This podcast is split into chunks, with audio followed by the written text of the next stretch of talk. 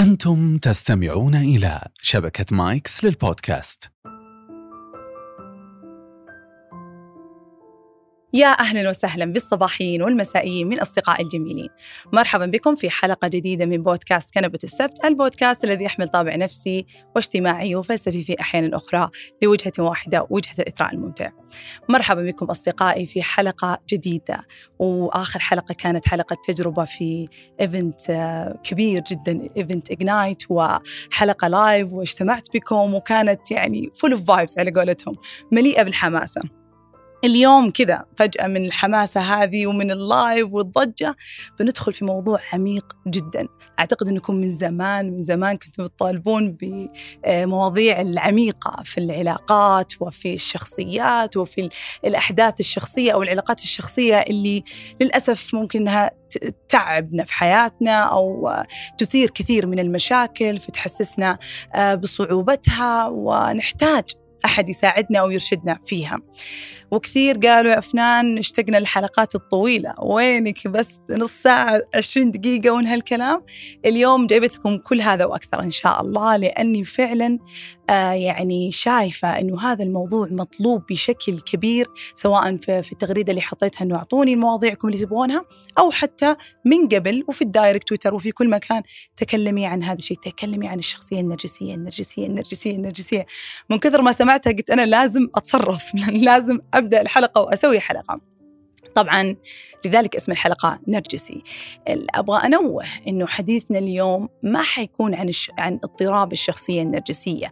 ما حنتكلم عن أننا يعني ما حنتكلم ونقول أننا إحنا قادرين على أن نصوب أو يعني نوجه أصابع الاتهام على أي شخص من العامة أو أشخاص من المقربين وأقول أنت عندك اضطراب الشخصية النرجسية ولا أي شخصية أخرى. لا يجب علينا أننا نقول أنت أنت واضح أنك شخصية هستيرية واضح أنك شخصية أنا قد قريت مرة عن الشخصية الحدية وأنت واضح أن هذه السمات فيك كطرف آخر ولا أحد من العائلة أو أو أو. لا يجوز علينا أننا نستخدم هذه الاضطرابات كأنها وصف عادي. هذه اضطرابات اضطرابات شخصية والاضطرابات الشخصية هي نوع من الاضطرابات النفسية. ويعني ذلك أنها لا يمكن أن يشخصها أحد أو أن يقول على أحد آه أنه في عنده اضطراب شخصية إلا إذا كان عبر طبيب نفسي. وعلى فكرة يعني حتى الطبيب النفسي في مجال الخطأ لأن أنت تتكلم عن اضطراب شخصية يعني في شخصية الإنسان وفي تركيبة الإنسان وقد تظهر أحيانا هذه السمات بشكل كبير جدا ثم تنخفض. فلا يعني مو شرط يكون فيه الاضطراب الشخصي يمكن فقط يكون لديه سمات. فيشخص بطريقة مغلوطة من الأطباء النفسيين أنه هو والله خلاص في هذا الاضطراب يعني تكون عليه هذه الوصمة أنه يعيش فيها أنه أنا عندي هذا الاضطراب. أو عندي اضطراب الشخصية الفلانية يعني. طبعا الاضطرابات الشخصية إحنا اليوم مو جايين نعرف أنتم متعودين عليه هنا في كنبة السبت أنا ما أجي أعطيكم منهج الطب النفسي. ترى هذا كذا وهذا تعريفه كذا وهذا كذا. إحنا بنروح في على قولتهم كور المشكلة في يعني منبع المشكلة وأصل المشكلة وبنتكلم فيها اللي هي موضوع النرجسي لكن من المهم جدا إنه برضو أفهمكم إنه اضطرابات الشخصية يعني اللي توصلوا له آه علماء النفس هي ثلاث مجموعات ألف وباء وجيم. أو C سين يعني. المهم A B C هي حقيقة. عموما المجموعة الأولى هي هي مجموعة يعني هم يسمونهم كذا يعني إنهم weird wild worry يعني غرباء المجموعة الأولى المجموعة الثانية جامحين أو واضحين وظاهرين و ومتعبين نوعا ما كذا لأنهم ال actions حقتهم أو أفعالهم كبيرة جدا وواضحة. بعدين أخيرا المجموعة الثالثة worry شخصيات قلقة جدا. ف الويرد أو الغرباء الشخصية الأولى هم ثلاث يعني اضطرابات شخصية. عندنا الفصامية والفصامينية يعني متعوب اللغة العربية هنا. هذه عاد ترجمة يعني العربية يعني اللي شفتها في مايو كلينيك اللي هو يعني أكثر موقع ممكن يكون تروحون تقرون فيها هذه الاضطرابات. يمكن أكثر موقع يكون موثوق في في وصف الاضطرابات النفسية. والشخصية الثالثة اللي هي الشخصية المرتابة أو الشخصية الشكاكة. طبعا هذول كلهم يعني قريبين للاضطراب الفصام وقريبين لأنهم لديهم شكوك يدخلون في ضلالات أحيانا مو إلى درجة الفصام والاضطراب النفسي الكبير لكنهم عندهم الضلالات عندهم الانعزالية عندهم مشاكل في في التعامل مع الناس من حولهم وصعب عليهم حتى إنهم يرتبطون ارتباطات حقيقية وفعلية مثلا عاطفية أو عائلية أو كذا. عندنا المجموعة الثانية وهي اللي يمكن نتكلم فيها اليوم عن شخصية النرجسية اللي هو في هذه المجموعة، المجموعة بقى هذه قلنا إنهم وايلد جامحين في شخصيه الشخصية الحدية وأنا شفت في تويتر إن ناس كثير صارت مثلا أنا عندي شخصت بهذه الشخصية وأنا أصلا هذه طبائعي وهذه انفعالاتي وهذه وهذه فكثير صار في وعي عن هذه الشخصية. فالمجموعة باو ممكن هي اللي بنتكلم عنها اللي فيها الشخصية النرجسية وأيضا في طبعا شخصيات أخرى منها شخصية في شخصيات قصدي تحت هذه المجموعة عندنا الشخصية النرجسية وعندنا الشخصية آه، الحدية وفي التمثيلية الهستيرية اللي يسمونها وال antisocial اللي هي العدائية للمجتمع. كل هذه الشخصيات wild لأن أفعالهم وتصرفاتهم واضحة جدا وتؤثر على علاقاتهم آه، العاطفية وعلاقاتهم المقربة وإلى آخره. بعدها طبعا المجموعة الأخيرة اللي هي يسمونها تحت worry عندنا الشخصية الوسواسية القهرية. ما لها دخل في اضطراب القلق اضطراب الوسواس القهري هي تكون أقل من الوسواس القهري تكون في شخصية الواحد وعندنا اللي هو الشخصية الاعتمادية والشخصية التجنبية. هذه الشخصيات المجموعة الأخيرة هم شخصيات مليئين بالقلق فعندهم مخاوف آه، من الرفض مخاوف من آه، تلاقيهم يعني مثلا زي الوسواسية القهرية تلاقي آه، شخص يعني متزمت شخص يمشي بال مو بالقانون لكن يمشي بقوانينه الخاصة بطريقة فيكس بطريقة جامدة فيصعب التعامل مع الآخرين لأنه هو جدا جامد في في في قوانينه الخاصة، الاعتمادية معتمد كليا على الآخرين، التجنبية لا يستطيع أن يخالط الناس رغم حبه للناس ورغبته آه، في الناس، ف هذه طبعا تعريف بسيط جدا ومختصر جدا لاضطرابات الشخصية اللي توصل لها علماء النفس، لكن حتى علماء النفس لا زالوا إلى اليوم يبغون يتاكدوا متى يجب علينا أن نشخص ونقول أكيد هذا عنده هذا الاضطراب الشخصية، طبعا كل كل اضطراب شخصية لديه معاييره الخاصة. فلما تكون المعايير في هذا الشخص فإحنا نقول إنه أوكي آه، يعني أنت فيك هذا الاضطراب. وطبعا من المهم وليش سمي اضطراب؟ لما يكون له تأثير واقعي وفعلي ويستطيع أن يرى بالعين المجردة على هذا الشخص سواء في عمله أو في حياته الشخصية أو في حياته بشكل عام. فهنا يسمى اضطراب لما تكون هذه السمات موجودة إلى درجة آه، اختلال حياته. ف الاطباء النفسيين حتى يعني هو طبعا تشخيصها كلها لازم يكون من 18 سنة وفوق. قبلها ممكن تكون مراهق ممكن تكون هو أشياء كثيرة. يمكن بس العدائية للمجتمع ممكن إنها تشخص في سن صغيرة اللي هي 15 سنة. لكن يعني بشكل عام خلينا نقول إن علماء النفس لا زالوا في بحث مستمر إنه يعني هل يجب علينا فعلا إن نضع هذا الاضطراب أمام أعيننا ونبدأ آه، بعلاجه ولا في في أحيانا يكون فيه خلينا نقول مس دايجنوز يعني تشخيص خاطئ أو يجب علينا إن ناخذ وقتنا أكثر قبل التشخيص. في نهاية الأمر على الطبيب النفسي طبعا معروف إنه يأخذ بعين الاعتبار إنه مسمى اضطراب الشخصية ما هو بالشيء الهين ولا هو شيء الغلط والوصمة وكلام لا لكن ما هو بالشيء الهين اللي آه، يعني نقدر نشخص فيه من جلسة واحدة وخلاص وحدث موقف واحد ولا حدث شيء واحد فأقول أنت فيك هذا الاضطراب لأنك أنت مكمل معايير. لأنه لأنه اضطرابات الشخصية أحيانا تح يعني مو شرط إنها تظهر على طول على الإنسان كاضطراب أحيانا يكون في سمات. سمات عند الإنسان. مثلا مثلا خلوني أقول لكم لو أنا مثلا عندي سمات من الشخصية الحدية مثلا فمثلا أنا أكون انفعالية آه، أكون مثلا أشعر بفراغ كثير يعني بكثير من الوقت أشعر بفراغ بداخلي أشعر إن الحياة ما لها معنى أعتمد على علاقاتي مع الآخرين حتى يغذوني بالحب. فعندي هذه الثلاث سمات لكن البقية ليست ما هي عندي.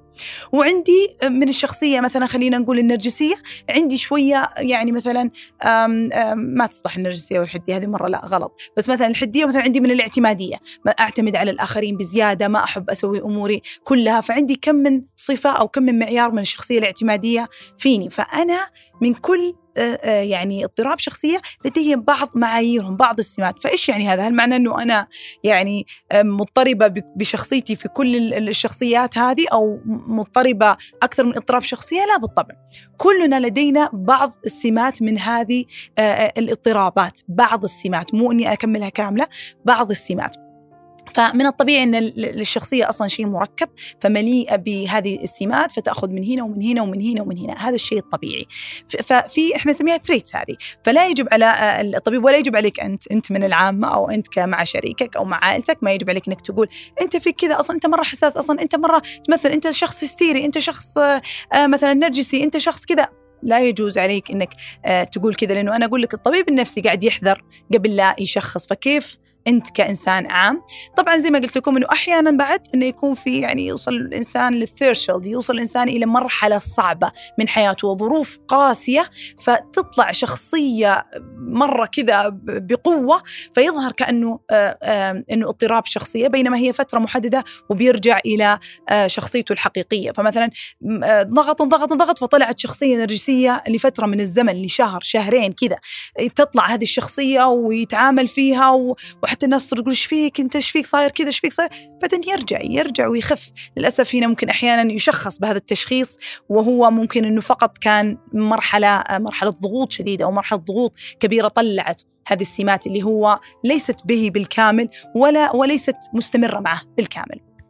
طيب فزي ما قلنا ما يوصل الإنسان للاضطراب إلا لما يكون في اختلال كبير وواضح يرى أمام العين مجردة في عمله في حياته الشخصية وفي حياته بشكل عام. ولا يتشخص الاضطرابات الشخصية إلا عبر طبيب نفسي ولا يجوز لنا جميعا كعامة أن نرفع أصابع الاتهام أو نوجه أصابع الاتهام إلى أطرافنا وإلى أشخاصنا وإلى أحبابنا أنهم لديهم هذه الشخصيات.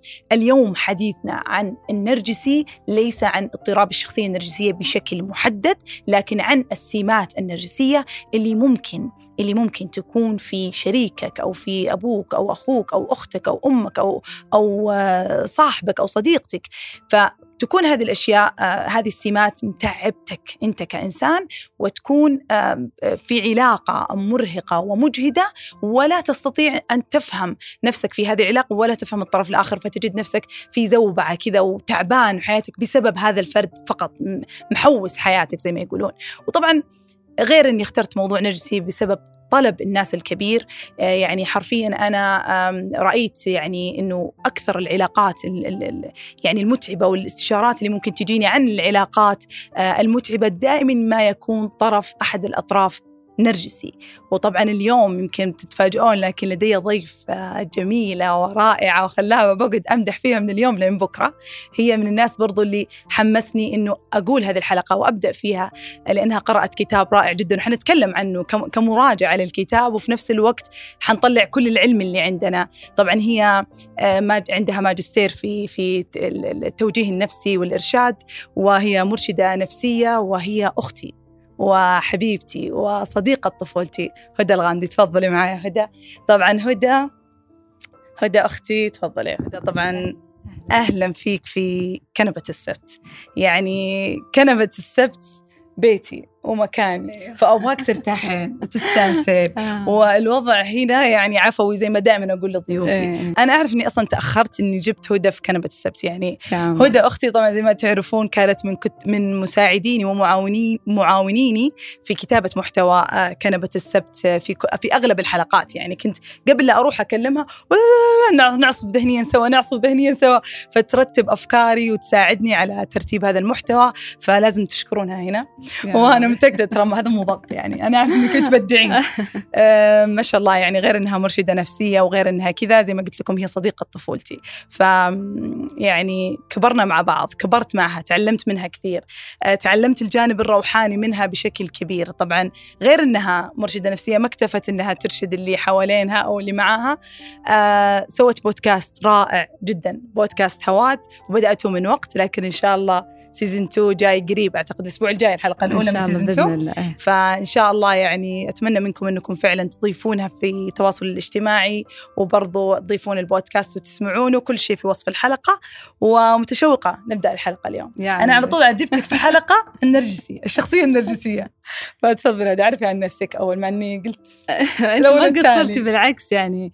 أنا حابة أقول أول شيء إني أنا مرة فخورة إن أنا هنا. آه ويكفي تعريفك. أتوقع خلاص الناس عرفوا سيرتي الذاتية يمكن أكثر من أي أحد ثاني. آه يعني أنا جدا فخورة وسعيدة باللي حققته أفنان. وهذا يعني فخر لي لأني أشعر أن قلبك الجميل وروحك الجميل وفكرك نعم. النير وصل لأكبر عدد. وكل ما يكبر العدد يعني يعني أحس أن الناس حقا تعرف قيمتك. ولا انت قيمة في عيننا يعني من زمان ما ما كنت تحتاجين ما شاء الله يعني كل هذا الظهور بسم الله عليك. يا حبيبتي وأنا جد فخورة إني أنا هنا بالاستديو وأحس شوي متوتره احس اني داخله بيتك شوف الخجل يا عمري ترى يخجل أكثر مني أنا لازم أتعلم من هالخجل اخ بس يعني أنا مبسوطة وشكرا على كلامك الجميل. أه أنا وهدى دائما نقعد مع بعض ويعني سوينا مغامرات كثيرة تسلق جبال من عمرنا ثمانية تسعة كان عمري تسع سنوات يمكن وهي عمرها 13 سنة كذا تقريبا. نطلع الجبال مع بعض ولازم في فقرات التأمل والحديث والغوص في في المعاني والمعتقدات. فأنا محظوظة يعني بهدى وأتمنى من الجميع إنه يعني أتمنى للجميع انه يكون على الأقل لدي أخ أو أخت أو حتى صديق أشبه بالأخ بقرب ومعزة محبة هدى لي وأنا لها يعني. وأنا بعد والله سعيده فيك فنه مره قالوا الحين خلاص لازم طفشتونا ابدوا الحلقة. معليش يا جماعة أختي في كنبتي أنا براحتي خلوني. طيب يا هدى بس ندخل بصلب الموضوع. أيه. طبعا أنا في البداية شفتيني قلت مقدمة طويلة عن موضوع إنه ليش إحنا يجب علينا أن يعني ما نوجه اصابع الاتهام ونقول أنت فيك شخصية كذا وأنت فيك شخصية كذا. تكلمنا ذاك اليوم أنا وياك عن على موضوع إن الشخصية ما هي بسهل تكوينها. أيه. ف فأبغاك تتكلمين أكثر عن هذا الموضوع انه إيش هي أصلا الشخصية؟ وليش إحنا فعلا لا يجب علينا إننا نوجه كذا زي ما قلت يعني اصابع الاتهام أعتقد أنه إحنا يعني كبشر من يوم حنا صار نحاول نكتشف أنفسنا فنحاول نعرف إيش الأشياء اللي تعجبنا إيش الأشياء اللي ما تعجبنا. م.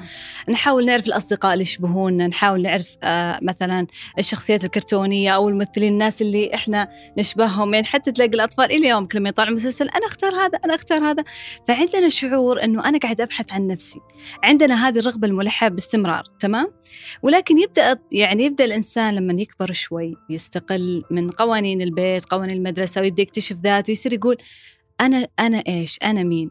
وأذكر هذه التساؤلات جتنا في أيام المتوسط تقريبا صحيح. فكنا نشتري كتب اللي حقت أنواع الشخصيات مربع مستطيل مثلث ودائرة وإحنا بيتنا ما شاء الله 11 فرد وكلهم اثنين مربع اثنين مثلث اثنين دائرة فقوالب فعلا وبعدين عادي مع مرور الوقت نرجع نقرأ الكتاب وقلت صدقين أنا مو شخصية دائرة أنا يمكن شخصية المربع فنلاقي نفسنا ندور قوالب وكأننا نقول يعني إحنا وين ننتمي لماذا؟ لأي فئة؟ إيش شكل شخصيتي؟ أي نوع أنا؟ وهذه التساؤلات إحنا على طول نسأل نفسنا فيها يعني وهذا أحس زي ما قلت جزء من نمونا ونضجنا. لكن المشكلة وين؟ لما أنت تضع في نفسك في قالب وتختاره أنت كأنك تقول أنا هنا وبس. طب أنت عندك زي ما ذكرت فنان في بداية اللقاء إنه أنت مجموعة سمات أنت مو بس في هذا القالب. صحيح. أنت مجموعة سمات متعددة إحنا متفردين زي تفرد يعني بصماتنا. فهذا صحيح. الشيء يخلي الإنسان محجور في قالب معين وهذا الشيء طبعا يظلمه. الشخصية وش الشخصية؟ في جزء عندك فكري الذكاء قدراتك استعدادك مواهبك الابتكار. عندك جزء مشاعري قديش أنت نضجك قديش مستوى الانفعال عندك. آه، إيش إيش الشيء اللي مثلا إيش الصدمات أو المواقف الصعبة والمؤلمة اللي أثرت عليك وعلى حياتك؟ طيب إيش الأشياء اللي تستفزك؟ أيوه إيش الأشياء اللي تستفزك تغضبك تحزنك تفرحك. فهذا بالحاله يعني آه، خلينا نقول جزئية معينة أو جانب معين من جزء من شخصيتك. عندك جانب العائلة والمحيط والأصدقاء المحيط اللي أنت تعيش فيه. وبرضو الجانب الصحة. الصحة الجسدية تأثر على الصحة النفسية وإحنا عارفين ذا الشيء يعني. صحيح. ولا ما كان الطب النفسي جزء من الطب؟ صح. لأنه هذا يأثر على هذا الطب. أنت صحتك البدنية كيف؟ كيف مستوى الفيتامينات المعادن كلها تأثر على النفسية وهكذا. فأنت مجموعة أشياء. شوف أنت وين هنا وأنت وين هنا وأنت وين هنا. وأبحث عن ذاتك المتفردة لا تدور قالب يوصفك. ممتاز. يعني القالب حتى يعني زي مثلا الآن أنا قلت القالب حق اضطرابات الشخصية مم. للناس اللي تعبانين. فعلا في ناس قاعد يضعون نفسهم في قوالب بشخصية أنماط الشخصية أرقام الشخصية أشكال الشخصية وهذه الأمور اللي جعلت من من شخصياتهم متشابهة للأسف. وأحيانا زي ما قلتي يحكم على نفسه في في قالب إلى درجة وأحيانا ترى يعني يمكن إحنا قاعد نتكلم عن الكتب الشخصيات وهذه الأشياء لكن أحيانا حتى المجتمع يضع في قالب وهو يرضى بهذا القالب. صحيح. مثلا أنت من يومك عنيد مثلا أنت من يومك عنيد أصلا أنت عنيد فشخص شخصين ثلاثة يقولون أنت من يومك عنيد هو يكبر وهو بهذه الصفة أنا أصلا في البيت أنا المعروف أنا الشخص العنيد أصلا تلاقي أنه هو كان باستطاعته أنه يغير أشياء كثيرة في نفسه لكن اللي بعده ما أعطوا حتى فرصة التغيير أو أعطوا حتى فرصة تعديل هذه السمة لأنه أهله وعائلته ومحيطه حطوه في قالب حطوه في قالب المراهقين العنيدين مثلا. فبالتالي صار هذه السمة عنده للأسف فما أعطي ما أعطي يعني الفرصة للتغيير. مع أن التغيير هو أساس الشخصية هو أساس يعني نمو الشخصية إنك أنت تغير. يعني المشكلة يا هدى إنه صار في فكرة هذه إنه لا الواحد أنا شخصيتي ما تتغير. م. يعني يعتقدون إنه من الثبات والاتزان إن الشخصية تكون ثابتة. صح. بينما العكس يعني أنت بحاجة إلى التغيير. النمو أصلا عبارة عن تغيير. إحنا كل يوم تتغير الشمس تنزل وتطلع تنزل وتطلع. لو فعلا كان التغيير ما هو شيء يعني آه، مهم في هذه الحياة كان الشمس قاعدة ثابتة وقعدنا صباح إلى الأبد. فالتغيير مهم لكن الأصالة والثبات يكون في الأشياء الأصلية أو الكور أو القيم الداخلية. صح. والأشياء العميقة الثابتة داخل هي اللي ما تتغير. لكن أشياء كثيرة في شخصيتنا لازم نغيرها. هذا الشيء لازم إحنا نوضحه. صحيح.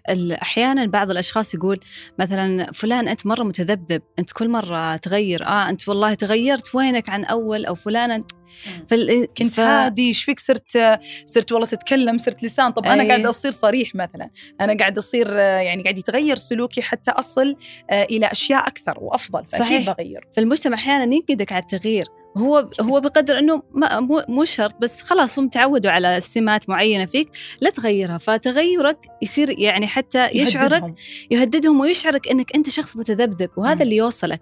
ولكن الحقيقة إحنا كشخصيات لازم نتغير. صحيح. وش اللي ثابت زي ما ذكرتي تو؟ الجوهر الجوهر المفروض اللي ما يتغير. يعني مثلا تكون صادق في المرحلة الابتدائية في المتوسط في الثانوي في الجامعة في العمل إلى آخر يوم. أنت صادق بس شكل الصدق بيختلف.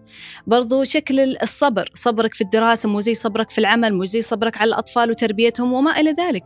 الصبر شكله صار يختلف ولكن هناك صبر. صحيح. يعني هي القيم اللي لا تخسرها. هي القيم اللي فعلا ابني فيها شخصيتك كون فيها شخصيتك. ولكن أي شيء ثاني سلوك تصرفات هذه قابلة للتغيير. ويعني حسب وفق الظرف ووفق البيئة. ممتاز. إحنا طبعا كل كلامنا الآن أنه عن الشخصية وعن كيفية تكوين الشخصية. ويعني يجب علينا أنه نفهم أنه يجب لا يجب علينا أن لا نقولب أنفسنا ولا الآخرين في حدود شخصية معينة أو في حدود صفات معينة أو كذا لأنه الإنسان متفرد أصلا متفرد بذاته مختلف عن الآخرين كلهم كل شخص مختلف. وأيضا إنه التغيير يعني من أساسيات الحياة ومن الأشياء المهمة جدا آه، في الحياة. فالآن طبعا بنروح صلب الموضوع. الناس اللي قروا اسم الموضوع النرجسي بيقولون أنتم قعدتوا ربع ساعة وكلمة نرجسي ما سمعناها. فموضوع النرجسي زي ما قلنا هي نتكلم عن النرجسي كسمات ممكن تشوفها في شريكك أو تشوفها في علاقتك مو كاضطراب نرجسي بحد ذاته وأعتقد من الأشياء اللي جذبتنا في الحديث أكثر شيء هو الكتاب. فحدثينا عن الكتاب يعني. آه، الكتاب آه، للدكتور والإستشاري النفسي عماد رشاد آه، اسمه أحببت وغدا. وطبعا هو عن سمات الشخصيه النرجسيه بس عجبني الطبيب بعد إنه ما حط كلمة نرجسي حط وغد. يعني شخص مثلا غير جيد شخص مثلا سيء. فلأنه فعلا ما ينفع أن نصف أحد بهذه المواصفات ولكن هناك سمات يجب أن نحذر منها وسمات الآن إحنا راح نتكلم عنها يعني آه اللي هي تهدد وجود أي علاقة أو وهي في أصلا علاقة الإنسان بالآخر آه بشريك الحياة علاقة الأم بأبنائها والعكس علاقة الأصدقاء. يجب أن تكون يعني علاقة داعمة محبة غير الحب فيها غير مشروط أو من السهل قول هذا ولكن يعني قد يصعب على البعض أنه ينفذها ويعني أحيانا العلاقات طبعا يمكن أكثر شيء آه، أحببته وقت الكتاب بالذات يعني لما قرأناه إنه يتحدث عن العلاقات العاطفية بالذات لكن قد تكون في كثير من أشكال العلاقات الأخرى. آه، يعني السمات إحنا ليش نبغى اليوم نتطرق لها ونبغى نقول لها نبغى نقولها؟ إحنا هنا مو جايين نقول شوفوا هذه السمات وإذا كلها اجتمعت في شريكك أو في أخوك أو في في أختك أو في صاحبه صديقتك ابعد عنه أهرب. لا إحنا حنبدأ يعني اليوم حرفيا حنحاول نتدرج سوية حنتكلم عن السمات عشان تعتبرها أنت في راسك ريد فلاج آه علامات حمراء وقوية مه متى ما شفتها. في هذا الطرف الآخر يجب عليك إما أن تحذر وحنتكلم كيفية الحذر أو تتخلى إذا مداك تتخلى أو تتعايش تتعايش مع هذه العلاقة كيف تتعايش وبعدها والأخير اللي هي تتعافى سواء تتعافى في التعايش أو تتعافى بعد التخلي. فإحنا جايبين كل السمات من أجل توضيح ما تعيش أنت فيه من علاقة مسمومة وبعدها الحلول العدة اللي أنت يجب عليك أن تعلم في داخل يعني ذاتك. أنت عارف وين أنت من هذه القصة وين أنت من هذه العلاقة وتختار كل هذه آه، يعني أحد هذه آه، الحلول ولا تأخذ بحل واحد. ليش أنا أقول هذا يا هدى لأنه يعني مرة أتذكر كان في طبيب نفسي كتب في تغريدة إنه الشخصية آه، اضطراب الشخصية النرجسية هي كذا وكذا وكذا أعطى كذا كلمتين. فمهما يعني بس تشوفها وحط المعايير اللي كأن العالم النفسي اللي حط معايير نرجسية هو هو يعني الله يعني قد يكون في مجال الخطأ بشكل بشكل بشري. كبير يعني بشري. فهو أشياء تتغير حتى كل العلوم تتغير وتتجدد. عموما فقال المريض باضطراب الشخصيه النرجسيه لا يعاش معه. فاهرب ويعني زي كذا وروح عنه بعيد واتركه ويعني قالها كمعلومة عامة. أكيد يعني التقصير من بعض الأطباء في في الحديث وأنا يوما ما ممكن أكون مقصرة أو أقول شيء غلط أو شيء. ف يعني إحنا دائما نقول يعني اللهم احلل عقده من لساني يفقه قولي لكن الفكرة إنه لا يجب علينا أن نعطي معلومات عامة كذا ونصائح عامة آه، فتلخبط الناس. أنا هنا بنعطي إن شاء الله حلول عده أنت تشوف نفسك وتقيس علاقتك وتروح مع الحل الأمثل. فبداية بداية نبغى نبدأ بالسمات. اللي يجب على الإنسان إنه إذا ظهرت يستوعب أول صفة أو أول سمة. أول سمة اللي هي تناقض العلاقة اللي تو قلتها. المفروض علاقة تكون احتواء حب تفاهم. أول سمة اللامبالاة أو الاستهانة بشعورك الاستهانة بتجربتك الاستهانة بمشاعرك. هذه أهم علامة. كون إنك تفضفض أو تقول أو تشعر والشخص الآخر يستهين أو لا يستمع بشكل جيد هذه أتوقع إنها أكبر علامة مم. يعني وهذا إن دل دل على إنه الشخص الآخر ما يهمه الا نفسه هذا اللي يودينا للسبة الثانية مم. اللي هي الأنانية فاللي هو يعتقد الطرف الآخر إنه أنا أهم شيء هذا ثاني سمه اللي هي أنانية مم. اللي أنا أهم شيء شعوري هو المهم آه رغباتي هي المهمة مشاكلي هي المهمة أي شيء ثاني أنا لا يهمني. فهذه هذه من أهم العلامات. تظهر أحيانا بشكل يجي الشخص مثلا حزين ويبغى يفضفض أنا أحب الأمثلة فتحمليني في كل شيء بنوقف نعطي الأمثلة. يعني أحب يعني آه، يجي بطريقة أنه يجي الواحد يبغى يفضفض مشكلته أو يبغى يقول آه، آه، أي شيء يحزنه يقوم على طول يقول حتى أنا أنا وأنا وأنا وأنا ويبدأ بالحديث عن نفسه بدون حتى الاستماع أو الإصغاء الحقيقي للطرف الآخر أو حتى الأسئلة مثلا. طب ليش حسيت كذا؟ ليش كذا؟ أوه مواساة أوه الله يعينك الله لا لا حتى أنا خلي عنك أنا كذا خلي عن خلي عنك أنا كذا. وطبعا إحنا يعني يعني نقول إنه ممكن تكون هذه السمات في بعض آه، في في البعض يعني خلينا نقول آه، جهلا منهم آه، بطريقة التعامل في المشاعر وكذا. فمو لحالها معناه والله خلاص إن هذا يعني سمة نرجسية وشخصية نرجسية. على يعني على الأغلب ما حنقول إنه هذا نرجسي إلا لما تكون في أكثر, أكثر من سمة مع بعضها. بس فعليا اللامبالاة وتجاهل الشعور للي أمامه بهذه الطريقة ممكن فعلا يخليه ريد فلاج وتقول إنه لا. صح ويصير حتى الواحد لما يجي يشكي مثلا الطرف الآخر يصير يقول إيه إيه خلاص آه، طب اسمع اسمع اللي عندي أنا. طب لحظة أنت ما سمعتني. شعوري ما بعد وصل. فتشعر إنك نوعا ما غير مكت... يعني تطلع من المحادثة غير راضي أنت غير سعيد تشعر بالضيق تشعر بالاختناق. بعدين هذاك الشخص الآخر طبعا يحول الموضوع كله عليه وعلى تجربته وعلى شعوره وتصير أنت تشعر بإنك أصلا ما تكلمت أو حتى حكيت عن شعورك. وهذا الشكل زي ما قلنا في الاسم الثاني من الأنانية. مم. بس برضو في أشكال ثانية من الأنانية. صح ولا اللي هو إيش؟ الأنانية طبعا أنه زي ما قلنا رغباته أول مشاعره أول احتياجاته أول فهو ما يفكر في الطرف الآخر مم. مستعد أنه مثلا يخون لهذه العلاقة مستعد أنه آه، يتجاهل شعورك أو يتعمد أو يكون فيها جفاء أو برود وهذا الشيء يعني مم. جدا مؤذي إذا صحيح. أنت تبغى مثلا تبعد أو شيء لازم يكون في تبرير في احترام صحيح. في في احترام حتى لشعورك. حتى لو لو الشخص الآخر مثلا رأى أنك حساس والله أنت آه، متعلق ما يكون هناك جزء من المساحة المشتركة أو أرض مشتركة تتفقون فيها أنه آه، متى يكون الشكل مبالغ فيه ومتى يكون هذا جفاء أو برود. ويكون لما أنت قلتي يخون جزء الخيانة. طبعا الخيانة لها أشكال عدة يعني. مثلا في بعض الناس يعتقد أنه في نصف العلاقة أو والعلاقة مثلا صار في تواصل مع طرف آخر مثلا مثلا زوجها لقت مثلا في جواله مثلا شيء أو هي أو هو لقى في جو في جوال زوجته شيء أو مثلا من هذا القبيل. طبعا إحنا لا نشجع لا نشجع آه، يعني حركات التفتيش أو هذه الأشياء لأنها هي جزء من تعدي الخصوصية. لكن أنا أقولها كمثال. آه، فبالتالي يعني لما يشوف هذا الشيء يعتقد إن هذه خيانة. مم. لازم نعرف إن أشكال الخيانة كثير. هذه قد تكون أحيانا للأسف فيها فضول فيها كذا بس ما نسميها على طول خيانة. ويعني للأسف لأنه في ناس كثير لما تيجي تشكي على هذا المقطع بس الناس أوه خانك أو أوه خانتك. خلاص يعني سكر على الموضوع. أحيانا تكون هذه يعني أنا ما أبرر لها ولا أقول إنها شيء بسيط وسهل لكنها قد تكون للأسف من سمات الأنانية عند الطرف الآخر لكن ليس لا, لا نسميها خيانة بشكل كبير. لكن خلونا نقول على الخيانة الكبيرة الكبيره اللي إحنا نعرفها كلنا أو هذا الشيء اللي أنا حكيت عنه الفضول وهذه الأمور هي من سمات فعلا الشخصية النرجسيه ليش يفعلها؟ لأنه وقتها مثلا يقول إنه مثلا والله بعيده عني أو أو هو أو هي تقول هو بعيد عني ما يبغى خلاص أنا بروح تعرف أنا بروح أسوي. أنا أهم شيء أبغى الآن أستأنس وأستمتع. أنا الآن أبغى أكون في مزاج جيد والشخص الآخر ما يبغى يعطيني هذا المزاج أنا بروح أخذه مكان ثاني. فهذه أنانية إنه أنا ما أهتم بايش هذا الشعور إيش الشعور اللي ممكن يجي للطرف الآخر فأقوم عادي يعني في لا مبالاة وفي أنانية عادي يعني هو مقصر خلاص أو هي مقصر خلاص أنا أنا أسوي اللي أبغاه اهم شيء أنا أستانس فهذه هي شكل آه، اللي هي الأنانية اللي ممكن يطلع فيها آه، الشخصية النرجسية اي وذكرتي للتو إنه يعني يستخدمون أسلوب اللوم على الطرف الآخر وتقصيره مم. عشان يبرر أغلاطه مم. فهم يعني يستخدمون المراوغة ويسمونه قلب الطاولة عليك فيبرر لأخطائه من ناحية تقصيرك أنت.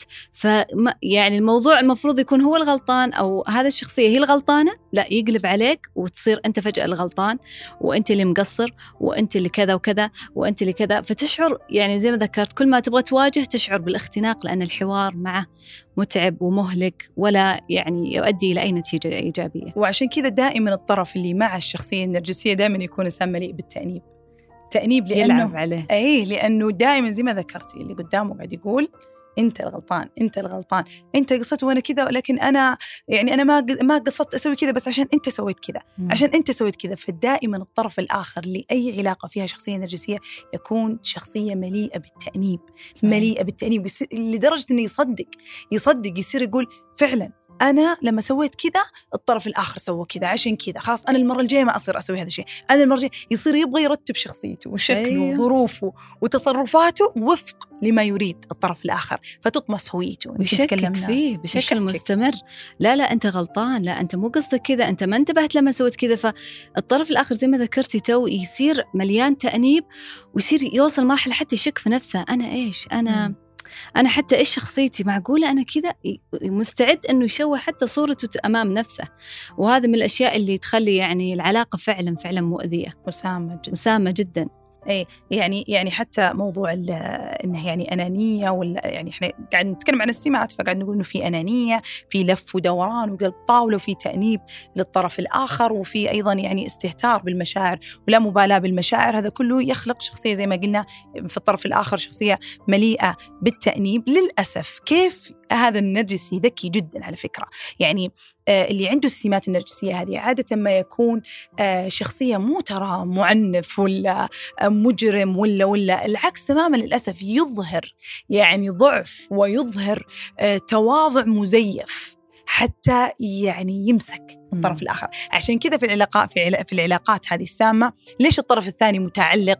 لأنه لأنه النرجسي هذا أو خلينا نقول اللي عنده السمات النرجسية هذه قادر على إمساك هذا آه، الطرف الآخر آه، من جذوره. كيف؟ بأي طريقة؟ بطريقة الاستعطاء أيوة. بطريقة التواضع المزيف هذا. بطريقة اللي أنا آسف آسف غير حقيقية لا بالمعنى ولا بالفعل ولا حتى بالقول. تقال حتى يعني خلينا نقول يخرس الطرف الآخر.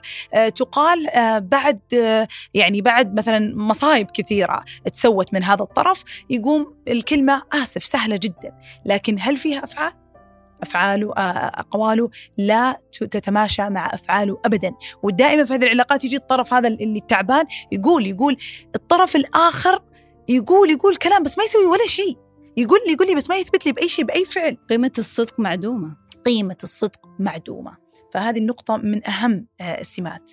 في الشخصية. ودائما عشان قيمة الصدق ليست موجودة في كثير هنا هناك من الوعود يعني في وعود وفي آه إن شاء الله بتغير وإن شاء الله بصير أحسن وأوعدك بكذا أوعدك بكذا. وفيها كثير من الأحلام أحلام اليقظة. عشان كذا أكثر ضحايا يعني العلاقة هذه المؤذية وهؤلاء من الأشخاص المؤذين أشخاص يحبون اللسان المعسول. واللي فيهم سمات النرجسية لسانهم معسول. فهو يتأكد تماما ويغلف كل الفوضى الأخلاقية اللي قاعد يعيشها وكل العلاقة المؤذية بالكلام المعسول. وبالتالي أنت تكون ضحية اللي لا والله هو طيب والله هو مش قصده يمكن قصدها كذا يمكن قصدها كذا. سواء يعني ذكر أو أنثى بأي كان الطرف نجد هناك الكثير من المبررات لأنه يستطيع أن يغطي كل هذا بكلمتين أو ثلاث يعني بكلمات إيه فعلا. معسولة. غير طبعا لما قلنا على التواضع المزيف يعني هم آه، شاطرين هذول اللي يملكون هذه السمات شاطرين في جلد ذاتهم من أجل يصدقهم أيه. الآخر.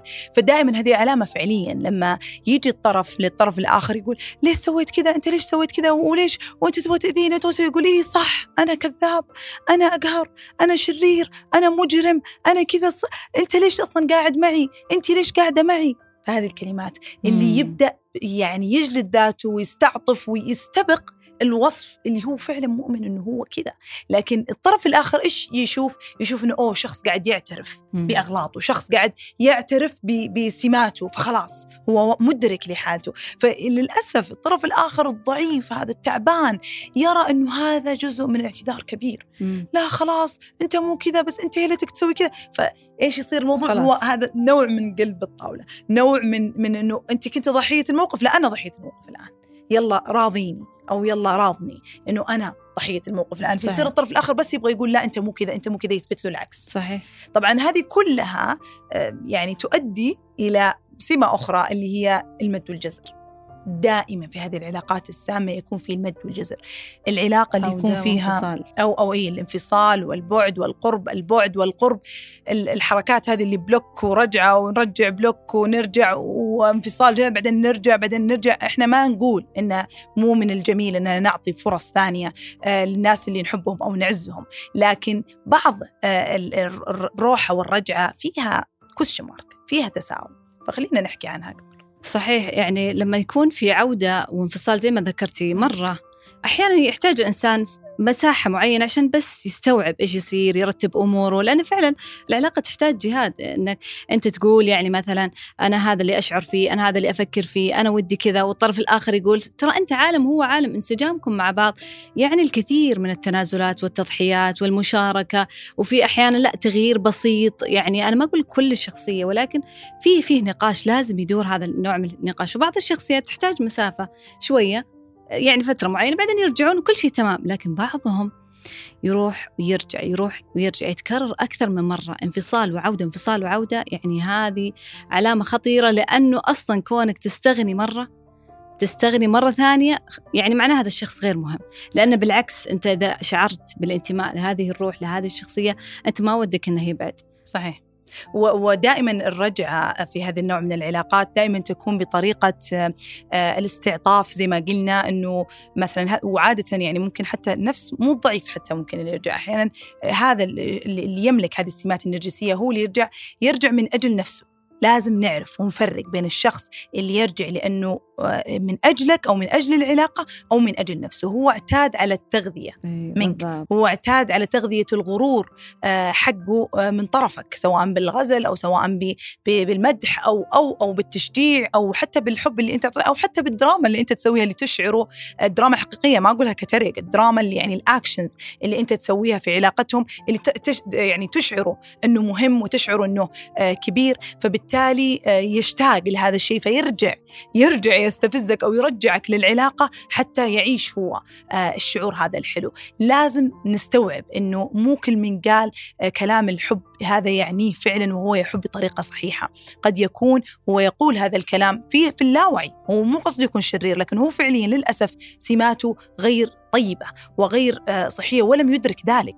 فإدراكه ما حيكون إلا بأنك أنت تصحى وتعلمه وتوضح له وأعتقد كذا قلنا كل السمات ولا في شيء إيه أتوقع خلاص فمنها يعني على طول بننطلق يعني إيه. على على يعني طرق يعني التعافي. على طرق التعافي أو طرق آه، العلاج أو طرق آه، التخطي أو طرق حتى الحذر من هذه آه، الشخصية لأنه لما أنت آه، تمشي على هذه الطرق أنت آه، بتربي هذه الشخصية بتعلم هذه الشخصية بت بتهذب هذه الشخصية بتخليه يدرك وبالتالي هو أو هي حترتاح في حياتها أكثر أو حتكون أفضل لأنهم على فكرة على قد ما إحنا قاعدين نعطي الصفات هذه والسمات هذه قاعد يظهر كأنهم شخصيات شريرة جدا. هم فعلا متعبين لكن على فكرة هم بداخلهم مضطربين. هم مضطربين ترى. صحيح. يعني مضطربين لأنه ما عندهم علاقة ثابتة وهم يعتقدون أنه الغلط مو منهم أنه الغلط من الناس للأسف. فتلاقيهم أنه ما هم مستمتعين في حياتهم ولا هم مستمتعين في علاقاتهم لأنه ما في أحد فهم أنه هذه سمات نرجسية ويجب علينا أن نواجهها. أو آه نتكلم معها ما في أحد عرف كيف يتعامل معه صحيح. فاليوم إحنا أول أول شيء نبغى نقول كيفية الحذر منهم. الحذر لما نقول الحذر يعني لو كنت أنت في بداية العلاقة. بداية العلاقة لا زلت في بداية الوقت لا زلت في بداية آه التعارف لا زال, لا زال في وقت ل على قولتهم إنك تسوي أقوى يوتير ف طريقة الحذر والتوخي والحذر من هذه السمات وكيفية رؤيتها. فهذه أول إيه. نقطة نبغى نتكلم عنها. قبل نقول عن الحذر مو أي أحد يحذر لأن زي ما ذكرتي أنت أول على العاطفة عاصفة. صحيح. فالإنسان لما يكون غرقان ويعني آه، يعني عايش لحظات هذه العاطفية بزيادة ما راح يدرك التفاصيل هذه. إحنا الآن نتكلم بمنطق لأن إحنا يعني الآن قاعدين نتكلم مرتاحين. بطريقة علمية ومرتاحين مو في النار على قولتك. أيوة اليد في النار مو زي اليد في الموية. فأنت لما تكون في وسط المعمعة أنت مستحيل إنك تدرك هذا الشيء. طب إيش الشيء اللي يخليني أدرك هذا الشيء اللي هي الخطوة الثانية غير موضوع الحذر لأن الأقنعة تسقط دائما بعد ستة أشهر الموضوع الثاني اللي هو توكيد ذاتك. فأنت كل ما رفعت استحقاقك لنفسك مم. كل ما حبيت نفسك أنت عارفها كويس أنت عارف شخصيتك عارف قديش أنت عزيز على نفسك. ما ترضى لها الإهانة ما ترضى لها الغلط ما ترضى لها التعدي. صدقني الموضوع ما حيطول معك. أنا ما أقول إنك لن تقع ضحية. ممكن تقع ضحية شخص صحيح. مثلا يعني آه، نرجسي أو غير سوي أو في علاقة مؤذية ولكن على الأقل أنت تخرج منها بسهولة وبأقل الخسائر. ممتاز. صحيح. صحيح. بالضبط يعني دائما أنا حتى أقول يا هدى في البودكاست هنا إنه أنا أحاول قد يعني بقدر استطاعتي إني ما أكون حالمة أو ما أعطي الحلول آه، المبالغ فيها. نبغى نعطي فعلا حلول واقعية وشكرا لذكرك هذا الشيء لأنه نبغى نفهم الجميع أنه إحنا نفهم أن العلاقات العاطفية وزي ما دائما فعلا أقول أن العاطفة عاصفة أنها تحجب العين وتحجب العقل والوعي لكن لا بأس لو آه، أن أول علاقة مثلا صار لك شيء زي كذا لكن كل ما كبرت لا تعيد أغلاطك لا تعيد نفسك. يجب عليك أنك تتعلم كيف تدخل في العلاقات بعقل وقلب مع بعض.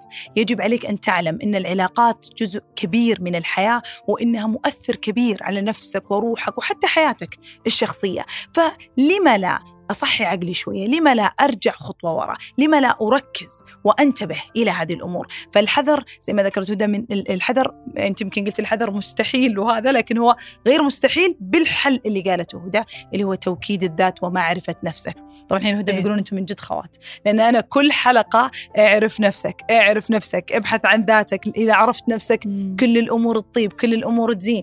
فمعرفة نفسك تكون بأشياء كثيرة طبعا. يعني زي ما ذكرتها في حلقة حلقات كثيرة حلقة التعلق تكلمت عنها في التخلي وفي التخطي كلها معرفة الذات الجلوس مع الذات حتى أحيانا إذا احتجت مع أخصائي. أو صحيح. مرشد ضروري برضو نرجع للاخصائي والمرشد لأنه أحيانا في شخصيات تكون هي مضطربة فتجذب هذا النوع من المؤذين. مم. يعني هو هذه الشخصية تكون مثلا تحب تعيش دور الضحية أو شخصية إثارية بزيادة تحب أنه يعني تؤثر الآخرين مشاعر الآخرين وتكبت تكبت تكبت كل شعور هذا. إيش قصدك تؤثر من إيثار؟ من صحيح؟ إيثار إيه يعني من معطية بزيادة. أيوه تقدم الآخرين على النفس بطريقة مبالغ فيها أو يسمونها المنقذة أو الإنقاذية. يعني هي عارفة أو هو عارف تماما أن الطرف الآخر شخصية متعبة وصعبة لا حيتغير على يدي. أنا حنقذ هذا الشخص من يعني هذه الأشياء هذا اسأل نفسك فيها أنت ليش تبغى تعيش هذه الأدوار المتعبة المهلكة لك؟ صحيح. هي مش لك.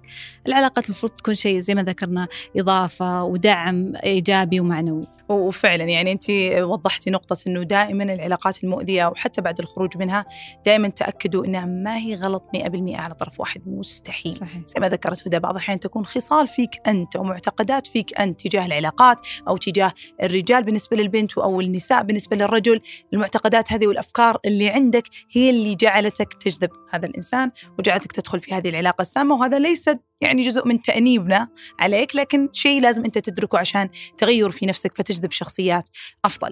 طبعا هذا تكلمنا عن الحذر وأنه يعني على الأغلب زي ما ذكرتي ست شهور بالكثير يفترض أن الأقنعة كلها تسقط ويبين وتدرك يعني هذه أغلب السمات اللي قلناها من المستحيل أنها تقل لأنها كلها تندرج تحت الشخصيات اللي يعني أو الشخصية المزيفة أو الكذب. فالكذب لا يطول وحبله قصير فيظهر بشكل كبير جدا فيجب على الواحد أنه يدرك.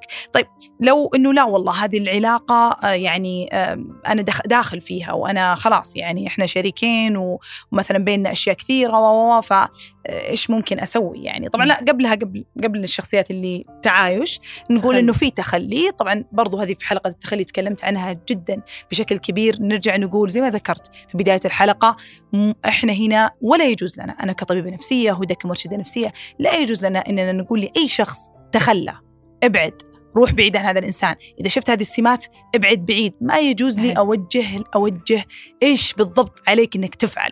لأنه أنا كذا حكمت على حياتك حكمت على حياتك من وراء من وراء الكاميرا. حكمت على حياتك وأنا قاعدة على الكنبة. وحكمت على ظرفك وخليتك تأخذ مسار مختلف تماما. وأنا ما أعرف إيش قصتك. صح. الإرشاد النفسي وفي الطب النفسي إحنا سبحان الله دائما يعني عملنا عمل مفرد. يعني أنا أقعد مع شخص واحد أعرف كل جوانب قصته عشان صحيح. أقدر أوجهه وأساعده. ومع كذا مع معرفتي لكل جوانب مستحيل أقول تطلقي أو أقول تطلق أو أقول اهرب.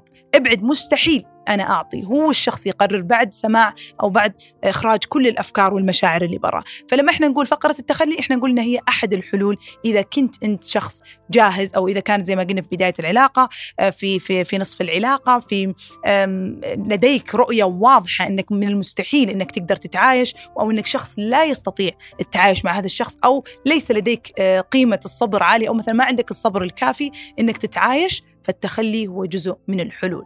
ف نخلي هذه النقطة أو قلنا فيها كفاية نروح لمنطقة التعايش أي منطقة كيف ممكن الإنسان يتعايش؟ فعلا لأنه مثل ما ذكرتي مش كل الناس سهل تتخلى آه في أصلا آه يعني من من الناس اللي عندهم سمات نرجسية يكونون آه غير شركاء الحياة لزمن طويل يكون بينهم مثلا أطفال، بينهم التزامات مالية، مستقبل أبناء، أو أحيانا إذا كان أحد من العائلة فهو جزء من العائلة، أنت لا تستطيع أن تتخلى عن أحد من عائلتك. صحيح. فكيف أتعايش مع هذا الشخصية. نعم هناك بالإمكان أنك تتعايش وفي نفس الوقت تتعافى اللي هو النقطة اللي بعدها. م. آه، لأنك لما تتخلى أو تقرر أنك تبقى بس أنت واعي وعارف ترى لازم تعافي قلبك لأنه تأذى كثير. لازم.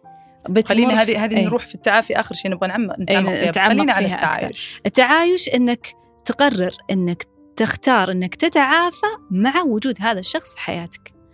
اسأل الناس المختصة اقرأ في هذه الكتب يعني ابحث عن كل الطرق وتأكد تماما أنك يعني في النهاية شخصيتك وعالمك وظروفك ما حد أفهم فيها من نفسك إلا أنت. صحيح. فممكن أحد يستشيرك يعني يشير عليك بأمر زي ما قلتي ابعد روح أو أو أو اسمع لا تعطي كذا لا ترد على اتصالات لا تسوي يعطونك مثلا خطوات هي ما تتوافق أول شيء مع شخصيتك هذا واحد. اثنين ما تتوافق مع تدرج القوة اللي أنت تبغى توصلها ووضع الحدود.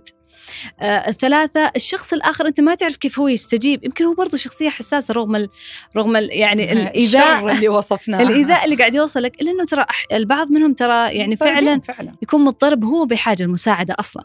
فتأكد تماما أنه يعني خطواتك هذه تأخذها برفق. أنت برضه يعني مهما عانيت ترى في الأخير هو إنسان برضه يعني يحتاج أهم شيء في التعايش شيء واحد افرض حدودك. لأنه هو تجاوز أنت بس حط حد. ودائما أقول ما يعني وضع الحد لا يعني الاعتداء. الحزم مختلف عن الاعتداء. الحزم أنك تقول أنا هذا الشيء ما أرضاه أنا لا أقبل كذا وكذا وتكون جاد وأقوالك تتوافق مع مع نيتك وأفعالك.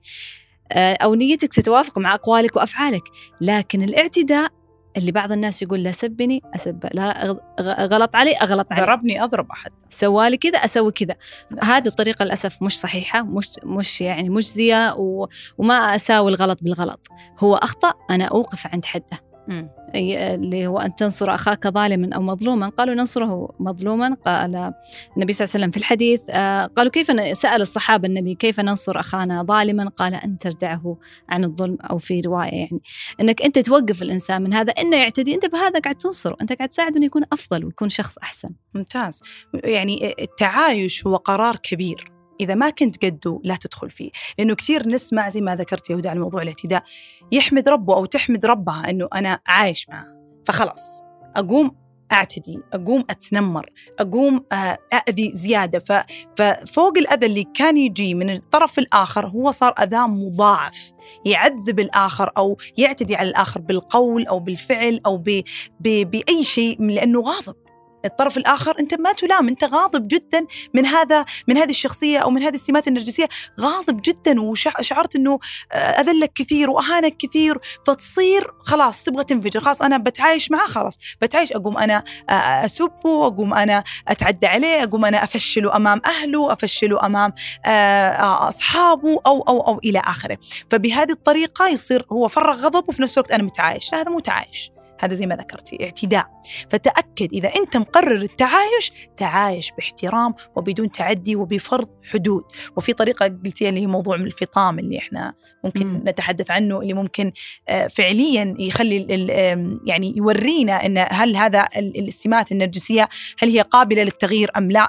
يعني إذا أنت في التعايش هذا أنك أنت فطام. يعني إيش يعني فطام؟ تكلمي عن الموضوع أكثر أنا حبيته منك صراحة. الفطام ذكر في الكتاب دكتور عماد اللي هو شفتي فطام الطفل من الحليب؟ أيوه. كيف إنك أنت تفطم هذا النرجسي من كل آه، الأشياء اللي كان يتغذى عليها من من من, من الأشياء اللي آه، تغذي غرورة تغذي الكبرياء عنده تغذي احتياجاته. آه، طبعا مع كل هذا هو متجاهل احتياجاتك أنت ومشاعرك م. والأمور الأخرى. فالفطام إيش؟ إنك كيف ممكن يحصل؟ إنك تقلل تقلل أي تغذية ممكن تظهر منك. إذا صار يبغى يقلب الطاولة عليك أو يبغى أو يبغى يستعطفك وقف عند حد وقول لا معليش الموضوع كذا كذا أنت قاعد تتصرف كذا أنا هذا الشيء ما يعجبني ابدأ وضح. إذا أول شيء توقف إنك تغذيه آه، شعوريا أو تغذي احتياجاته الغير حقيقية. الشيء الثاني إنك برضو توقف أو تقلل اللقاء بالذات إذا إحنا قلنا تعايش يعني هو شخص معك. قلل اللقاء أو قلل المواضيع اللي ممكن تثير. الاستفزاز أو ممكن تثير أو تصعد المشكلات. قلل من الأشياء اللي ممكن إنها تجعل هناك مجال للخطأ. حاول تبعد حاول تستقل يعني أتكلم عن في في مواقفك في تصرفاتك في آرائك. ابدأ شوي شوي أخلق مساحة آه، يصير بعدها من الصعب إنه الشخص هذا يتعدى عليك. وعشان نفسك مو عشان الآخر إحنا هنا مو عشان نريح الطرف الآخر عشان نفسك. تقليل الصدامات والظهور لأنك أنت الآن رغبت بالتعايش فلا تتوقع أنها تكون علاقة سليمة ورائعة 100% هذا اختيارك إنك أنت تتعايش مع شخصية مع شخصية صعبة ومع شخصية لا تنسجم معك وفيها كثير من السمات اللي ذكرناها فلا بد إنك يعني آه، تستوعب إنه لا بأس إنه يكون في بعد لا تقارن نفسك بالعلاقات الأخرى. لا بأس إنه يكون في بعد لا بأس إنه يكون ما في تصادمات كثيرة لا بأس إنه تكون فيها نوع من السطحية بشكل أو بآخر. آه، حتى لا تقعون آه، يعني لا لا تقع أنت كطرف ضحية مجددا لكل السمات اللي فيه اللي مرة ثانية تخلق فيك الغضب و وإلى آخره. فهكذا يكون التعايش. طبعا إذا رغبت في التخلي أو أو إذا حذرت ومشيت ما عليك بأس. الحمد لله ونجوت بأعجوبة وألف مبروك. لكن إذا تخليت أو إذا تعايشت كلها أمور تستحق أنك ترجع لنفسك وتتعافى. وهي الشيء الرابع. التعافي. التعافي شيء مهم جدا في العلاقات السامة سواء تخليت عنها أو سواء أنت لازلت باقي فيها وترغب بالبقاء فيها. التعافي يكون مع مرشد نفسي مع أخصائي نفسي مع طبيب نفسي لأنه أحيانا مع أنفسنا فقط من الصعب أننا نرى كل هذه الأشياء اللي إحنا ذكرناها. من الصعب أنه إحنا نستوعب أنه سهل ترى أو مو سهل لكن مو بذاك الصعوبة اللي توقعناها موضوع التعايش مع مع شريك آه، صعب. ممكن يكون سهل لما يكون في أحد يعينك ويعلمك ويوجهك وأنت تقدر تطلع كل الغضب آه، آه، بعيدا عن هذا الشريك. فالتعافي يعني خطوة كبيرة جدا. وقد تكون أحيانا صعبة على الشخص بمفرده ولازم تكون مع مع مرشد. ف يعني بالنسبة للتعافي. آه، التعافي يعني هي مرحلة آه، أول شيء أنك تقرر أنك تتعافى يعني هذه مرحلة رائعة. أنت معناه عرفت أنك أنت في خطر وأنت بحاجة إلى أنك تاخذ كم خطوة ورا التعافي آه، في ناس كثير أفنان أكيد قد سمعتيها الوقت يشفي صح؟ آه أو الوقت يشفي هو ترى ذي يعني حكمة أجنبية. Time heals everything أيوة. يعني الوقت يشافي كل شيء أيوة. لو الوقت يشافي كل شيء يعني كان إحنا الحين صرنا أسعد الناس وهذا بدون أي عمل خلاص الوقت صح. الوقت يمشي بالضبط لكن في الحقيقة ال- الوقت عامل فقط عامل من العوامل وهو مهم إحنا دائما نقول لا تستعجل التشافي لأن الوقت عامل من العوامل لكن في عوامل أخرى. يجب عليك إنك تصل بها اللي الشفاء. هو التراكمات الشعورية اللي أنت كابتها فترة م- كثيرة أحيانا تستوعب يعني في ناس بعد بعد بعد التخلي فترة أو أو أول ما يرغبون في التعافي بعد فترة يقولون معقولة أنا كنت عايش مع شخص كذا مم. معقولة أنا سمحت لنفسي إني أوصل هالمرحلة فيبدأ مثلا يتحول غضب على الطرف الآخر أو غضب تجاه نفسه صورته القديمة أو للأسف غضب على مثلا الرجال أيوة. كلهم أو الغضب على النساء كلهم أيوة تبدأ وهذا. يؤثر وهذا يؤثر على علاقاته ال- الأخرى. اي بالضبط. فهو يعني يصير يبدأ يستوعب. فهو لازم على يعني على قولك في بداية التعافي إنه يعني ياخذ كم خطوة ورا يبدأ يستوعب يرى الصورة كاملة. ممكن تجيه مشاعر. وهنا وهنا عشان كذا إحنا نقول مش الوقت بس لأنه في ناس يقعدون عالقين في الغضب هذا إلى آخر يوم في حياتهم ترى. يصيرون ما يتجاوزون. أو يكون عالق في في دور هذا الضحية مثلا أو كاره نفسه أو جلاد لنفسه إلى آخر يوم في حياته. فالتعافي ليس فقط إني أبتعد وأترك الوقت يشافي لا أنا بعد ما أبتعد وأقعد مع نفسي وأفهم مع المختص أو المرشد النفسي بيختصر علي كثير من الوقت والجهد والمال. ليش؟ لأنه في جلسة جلستين راح نفهم ليش أنا دخلت في علاقة مثل دخلت في علاقة مثل كذا. ليش أنا أصلا حبيت شخص مثل مثل هذا النوع من الأشخاص. ليش أنا على استعداد إني أضحي وأترك في سبيل اني أتخلى؟ ليه التعلق الزايد؟ ليه؟ ليه أنا خايف من الهجر والفقد؟ وهكذا. فابحث أنت عن جذور هذه الأشياء مع مختصين. هذا الشيء جدا حيساعدك وبالتالي تعافيك أكيد راح يكون أسرع من تعافي شخص معتمد على الوقت فقط. وتغيير المعتقدات والمشاعر والأفكار بعد العلاقات المسمومة وهذه مرحلة التعافي هي أكثر مرحلة نضوج عاطفي، لما نقول نضوج عاطفي يعني تبدأ تفهم كيف تتواصل مع شعورك، تبدأ تفهم كيف أصلا اشعر وكيف أعبر عن الشعور، فبكرة بعد تعافيك من هذا ال- ال- العلاقة تجد نفسك حتى شخصيتك من داخل متغيرة. يعني مو بس عشان العلاقات العاطفيه ولا عشان بكرة زوجتك ولا زوجك، لا لا لا لا، هذا الشيء يغير فيك داخليا، لو أنت ما استفدت من التجارب زي الحلقة الماضية أنا تكلمت عن في حلقة تجربة تكلمت ان المشاعر ترى تجربة. مو لازم الواحد يعني يسوي شيء كبير والله يفتح مؤسسة ولا فشل ف- في أكثر من مشروع وصار عنده تجارب يقدر يحكيها. ترى العلاقات تجارب. هي تجربة مشاعر كبيرة تخلق في شخصيتك الكثير وتغير في شخصيتك الكثير متى ما أعطيت الأمر فعلا أهمية. ومتى ما جلست زي ما قلنا كذا وقفة فعلية وتكلمت مع مختص أو مرشد وهذا وفهمت كل اللي قاعد يحصل لك من معتقدات ومشاعر وأفكار ورتبتها وهذبتها. صحيح بالضبط. فالتعافي مو لا تعتمدون فيه على الوقت اعتمدوا فيه على ناس مختصة ترشدك على نقاط القوة عندك ونقاط التحسين اللي لازم تشتغل عليها على صدماتك على المواقف الصعبة. ممكن زي ما ذكرنا في بداية الحلقة على شخصيتك ممكن أنت من من شخصية عندك. عندك اضطراب مثلا شخصية إثارية منقذة أو أنت تعيش دور الضحية أو عندك برضو مشاكل أو صدمات في الطفولة وأنت بحاجة إلى علاج هذا الصدمات إلجأ المختصين. هذا الشيء جدا حيساعدك آه، يعني إنك تكون في علاقة أفضل. زي ما قلت في كل حلقة أطلب المساعدة. اطلبوا المساعدة يا جماعة.